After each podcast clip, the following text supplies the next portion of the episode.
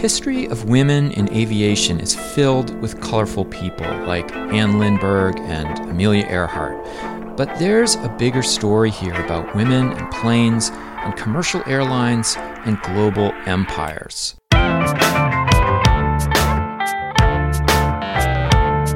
It's time to eat the dogs. I'm Michael Robinson. Today, Emily Gibson talks about women, planes, and global air travel.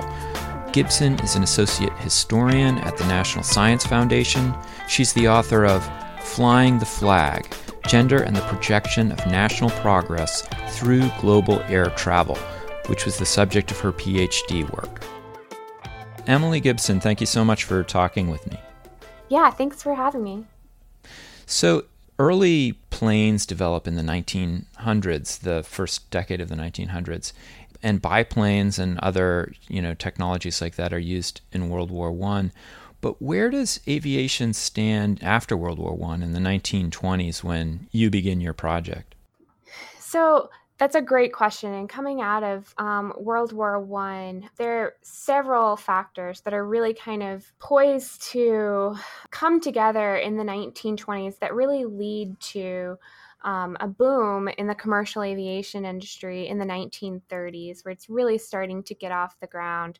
And you mentioned World War One. Coming out of World War One, there are a lot of surplus um, military planes um, and things of that nature. Mm-hmm. But there are some really important developments, um, both from a technological standpoint, that happened in the late 1920s um, and uh-huh. throughout the decade that really make commercial aviation more technically practical, including um, new kinds of airframe designs that incorporate aluminum alloy, which mm-hmm. create greater structural support as well as um, kind of internal components such as the radial cooled engine, which is introduced in the period, which kind of offers more of a greater power to weight ratio and is much more reliable.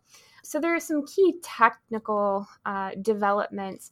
But in terms of building up kind of a civilian infrastructure and uh-huh. civilian aircraft production, there are some really important kind of economic and regulatory stimuli that produce that because still coming out of World War II, most planes that are being produced are primarily military in nature and for uh-huh. their intended use. Could I just ask if people in the 1920s understood that planes would become a commercially viable technology, or was that still unclear? Um, I think that it was very much in everyone's minds. In fact, uh-huh. it, the kind of hopes that aviation could offer as this new, you know, relatively new technology were really in some ways kind of overblown. There's this really amazing work by historian Joseph Corn who mm-hmm. writes about kind of America's love affair with aviation in the 1920s and 30s. And so not only was it kind of expected that this was going to be the new mode of transportation in the future but many people had ideas that you know everyone in the future would have an airplane in their own huh. garage. Yeah. Um, so obviously a lot of things that didn't come to fruition and there was a very vocal segment of the population advocating for these ideas. I think it's a little harder to say whether or not you know the average american imagine themselves someday flying on an aircraft. But I mean, especially moments like in 1927, Charles Lindbergh's successful transatlantic flight, these were very public events. And some people credit him with being like, you know, the first truly American hero that captures kind of American huh. media in such a prominent way. So, average people were kind of imagining the prospects for aviation and, and where it was headed. You uh, you said in your book that that women are really initially they're dismissed from the modern technology of flight. They're anathema to it, and that that begins to change. I was wondering what what is making that change. So I think that one of the interesting things is that when aviation is first introduced, both you know by the Wright brothers and throughout World War One, it is very much associated with this very masculine ethos, um, this heroic, very physical, daring act, right? Uh-huh. And so, what it begins to change, and I think is what's really fascinating, and what others have written about as well is that whenever the commercial prospects of aviation start to become more real and there are small, you know, transport services that are popping up, industry uh-huh. executives start to realize that this kind of association and image with like danger and risk yeah. is not going to yeah. sell tickets. right. Um, so women become you know, kind of at the forefront of, you know, public campaigns to say, you know, flying is safe. And, and women very much take part in that role as well. Yeah. So I find this really interesting this kind of transition from a technology that's kind of daring and dangerous and um, kind of at the edge to one that's you know transitioning to become commercial uh, every day mm-hmm. and and women's role in that I was wondering if you could talk a little bit about the women themselves. Who are the women who are who are getting involved in these early attempts at commercial aviation?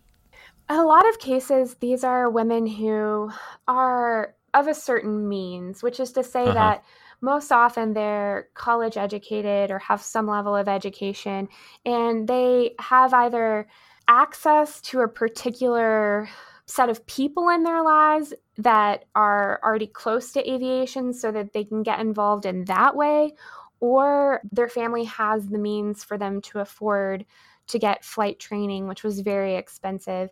And I think that that's kind of the general characterization of this class of women.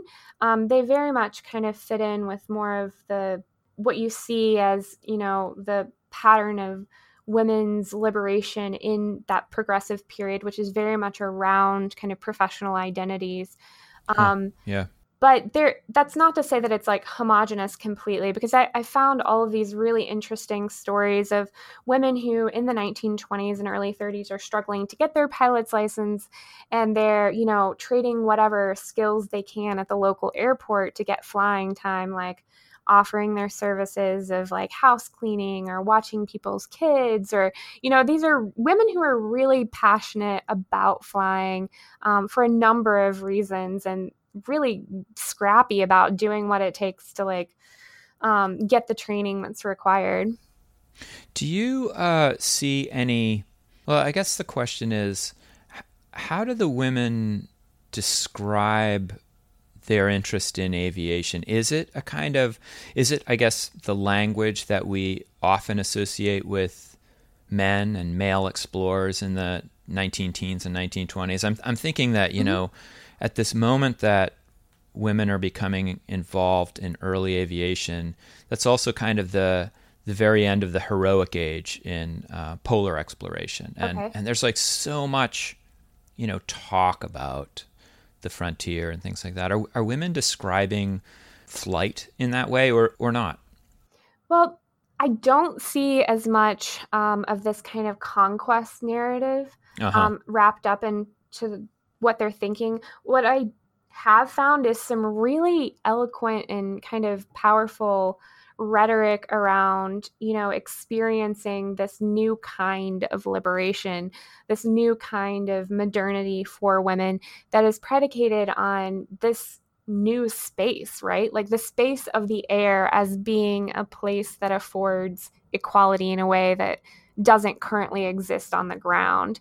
Um, and the rhetoric, you know, in some in some cases is very um, it's very romantic and, yeah. and probably not steeped in a broader platform for social change, but they are experiencing flight as a way to both gain technical skills that give them a leg up in the professional world, but also as this personal kind of liberation experience. And there are women who are writing about how, you know, flying builds solidarity between women and that this is kind of a, a cause for the sex um, which, which of course is you can challenge a little bit and also talk about which women and how, yeah, right, how right. are all these women going to afford it but it is a really powerful theme running through you know what women are talking about in their experience in flying and is that the kind of thing that's also being described by some of the more famous women pilots of the time you for example talk about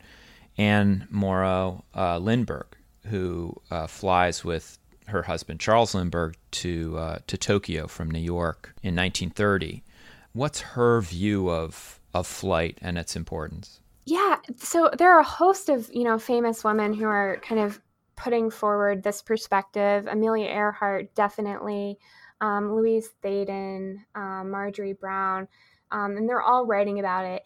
Anne Lindbergh is a really interesting case and just a fascinating story, and especially this trip um, that you mentioned that she goes on with Lindbergh, which is kind of just crucial to the beginning of commercial aviation, specifically Pan Am's expansion, um, which I'd love to return to.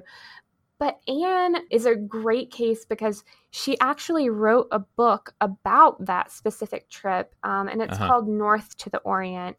And in it, you can see her kind of thinking about the experience of flight and really trying to understand what it means for her as a modern woman, both as an operator of a technology, but also as a traveler who is experiencing these distant places and these new cultures and reflecting on kind of what her meaning of womanhood is in contrast to these other cultures. And so it's this really fascinating exploration of that experience. And she is an absolutely phenomenal writer. I mean, I was like really marveling at some of the writing you, in your description of her and this book, uh, North by the Orient. She has this line one has only to see the chasm between accessibility and isolation narrow so that you could reach across, but deep as time to appreciate what can bridge it. I mean, honestly, that to me almost sounds like something that you would hear people in, you know, mobility studies say today. no, I mean, it's really intense.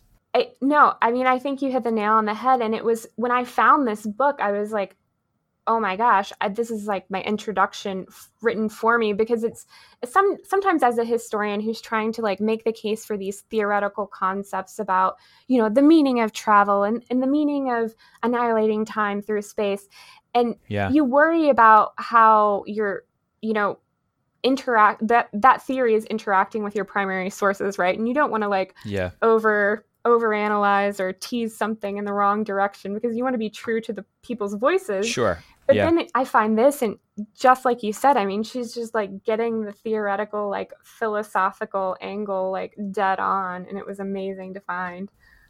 One of the things I liked about your project was that, you know, so much is written about American aviation history, and you actually profile women aviators from other parts of the world. For example, Li Yaqing of China and Sabiha Gökçen from Turkey. I was wondering if you could talk about them and, and whether they fit a similar model to the Americans that we know so well, or is it is it quite different?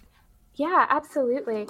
So what's fascinating to me is that I began this project very much looking at it in an American context, but I began to notice just these articles and archives about women all over the world in the interwar period who were doing similar kinds of things. They were flying and they were getting a ton of publicity because of that. And I uh-huh. thought uh-huh. that that was just really fascinating. And I started following up. And Li Yaqing, for instance, is a, a really interesting case um, because she comes to America and she interacts with a lot of the American women that I'm writing uh-huh. about in the same period. But it's a very different context. In China, during the period, there's kind of an effort to establish a modern republic. And so there is kind of a an, an anti-imperial or dynastic tinge to her activities and what uh-huh. she is wanting to develop aviation in China for. And it's very much as kind of a, a way to strengthen the nation state. And this is also a period in which they're receiving, you know, increasing threats from Japan. And so this is seen as a new way to kind of defend the country. And the same kind of similar context in Turkey, which is the founding of the Republic of Turkey and Ataturk, um, Sabiha is actually um, Ataturk's adopted daughter. um, mm-hmm. which is a really interesting connection. Um, she's adopted from an orphanage and kind of in line with Ataturk's reforms in the establishment of the Republic of Turkey. They're making a lot of efforts to, you know, create a secular state and to emphasize the gains that are being made for women in society, which is also, you know, in China happening as well. And so the place of women in these newly created republics becomes kind of a marker for progress, for national progress, and a symbol to the rest of the world that they're developing and this is a barometer of our modernity, right? The position of women in our society. And so both Sabiha and Li Yaqing become these very potent symbols for that cause because they are kind of these like symbols of modernity as pilots, but also as liberated women who who have this access to this technology.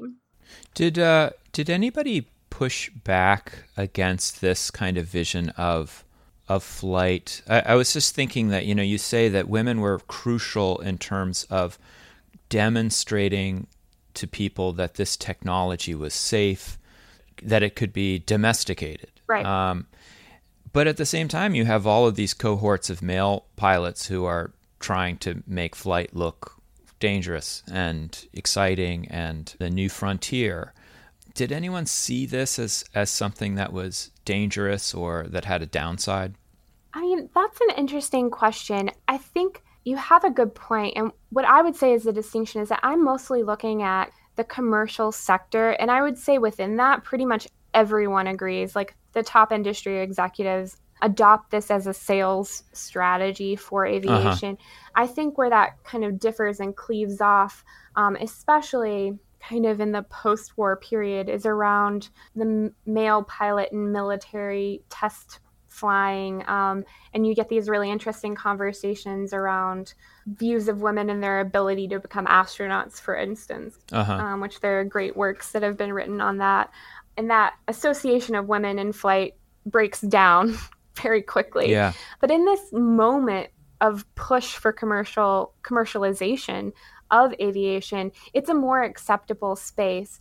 But I will add that very quickly on in the process that it, it becomes clear that women a not acceptable an unacceptable place for women in commercial aviation is in the cockpit yeah. That's decided very quickly. I think there's one woman who's hired in the mid 30s, and I can't remember, maybe Eastern Airlines, I'm not sure off the top of my head. And she's very quickly forced to resign or is fired. I'm not sure. And then you don't see that happening again until the 70s, really. So it's a very curious bastion of masculinity in the cockpit yeah. of a commercial aircraft. What does um what what is the effect of World War II on this push for commercial aviation and and is there a role for women within the war or does it have to wait until the post-war period? There's a really big role for women um, during the war, and on some level, it has to do with the fact that you know women are needed to fill these roles that are traditionally served by men um, during mm-hmm. the war. And this happens in, you know, the aircraft factories, and you have the very famous case of Rosie the Riveter, which is the image of the sure. woman yeah. riveting bolts on an aircraft. But you also see it within the airline companies as well. And Pan Am's a really interesting case um, to look at during the war because up to this point, Pan Am exclusively hires men as their flight attendants. And it's really uh-huh. not until World War II that they start hiring women as flight attendants. And this is because Pan Am is very much building off of the model of steamer travel and oh, uh-huh. they they have these large clipper ships that you know land in water and so it's defined as a very masculine seaman kind of role. And then in the mm-hmm. 40s, when you know the men start going off to war in a large number, they start bringing women in to fill more of these positions. And one of the really important positions that I look at during the 1940s is the creation of this passenger services department um, which is staffed by women, and they play really important roles during kind of the expansion of commercial aviation in kind of creating a system and facilitating a system of global travel. helping passengers who've never been to another country understand like how they're going to get money and where they're going to find a place to stay. Like all of these things that we would Google now when we travel yeah. or like consult Google Maps for, like these were women who were in the airport um, making all of this happen. You were you were talking about how how crucial women are to the expansion of commercial aviation after World War II, and I was I was wondering why are women so crucial to the expansion of uh, of aviation as a kind of global phenomenon, especially with uh, you know a company like Pan Am. Yeah, well, one of the things that I found when I was looking at airline marketing, and this is uh, definitely the case for Pan Am, but also you see it in Air France's marketing, um, which I look at also in my dissertation. The use of women as symbols in these kind of magnificent posters, advertising pamphlets, um, where women are really juxtaposed against foreign destinations as a way to kind of uh-huh. make that destination seem safe. So, one of the issues coming out of uh, World War II is that airlines basically have a set of customers, they have businessmen. Businessmen were the largest segment of the population that they were marketing to from the beginning. It's very costly to fly. So, what they need to do is convince these businessmen to take their families on vacation. They need to convince their wives um, to, you know, convince their husbands to take them on vacation.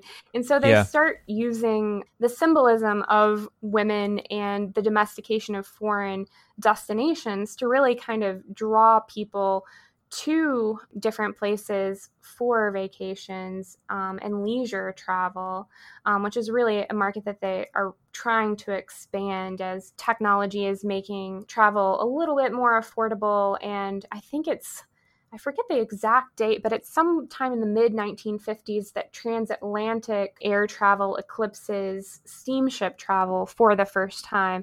So you're getting a lot of people traveling by plane to Europe in particular um, in the in the post-war period. When I teach my U.S. history survey or my global history survey, oftentimes we frame empire in very masculine mm-hmm. ways as something that's initiated by explorers and then propagated by colonial officials and kind of promoted by you know missionary programs mm-hmm. and all of these are gendered very very male right. and you have this very interesting story of a company that's essentially trying to create a global right. company for empire with a woman's face on it. No, absolutely. I, I, think, yeah, no, that makes a lot of sense. And it hits on something that was very inspirational for me because I was very much thinking about the, the buildup of these empires and the work of Ann Stoler and Frederick Cooper was so important to me because they really tap into the gendered aspects of empire during that period. Uh-huh. And that very much un- informed how I was reading the use of gender by these commercial airlines that are very much bound up in these kind of late stage, late modern colonial relationships. And in Air France's case in particular, um, in the 1940s, there's this you know you're starting to see in the post-war period this rise of the the decolonization um, movement in Africa, but they still have a fairly secure hold on uh, West Africa, and so they're really trying to improve their economic control um, as they're starting to lose kind of political and physical control of the different regions.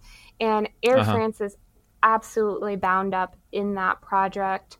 And women, they use women, as you pointed out, as kind of the face of this project. There are these amazing kind of pamphlets that I came across that are really aimed at economic investors, French economic investors, trying to get them to invest more in Africa, specifically in West Africa.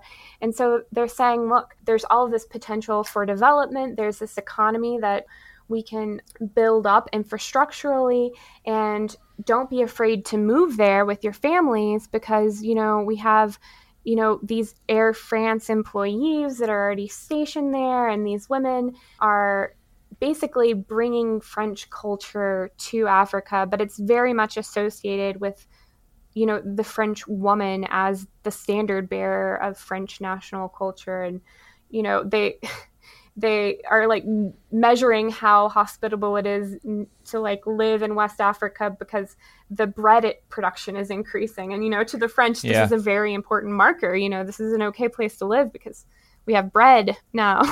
yeah, yeah. I, I, was thinking also um, when you talk about how gendered these roles become in commercial aviation, where you have pilots kind of representing technological expertise and mm-hmm. uh, the mm-hmm. women on commercial in commercial aviation representing a way of let's say domesticating mm-hmm. the space or domesticating the the country even uh, that people right. are, want to travel to that that must be a, a, a big reach then to change those expectations even even today. I mean, if this has been kind of underlined for 30 years, how hard is it to let's say introduce male flight attendants or women pilots? I know this takes place after the end of your right. project, but I, I just just wondering if you had any thoughts about that. Yeah, absolutely. I mean, it is very deeply ingrained in kind of an ideological level. There's another, you know, really important kind of infrastructural aspect to this as well that um, Debbie Douglas charts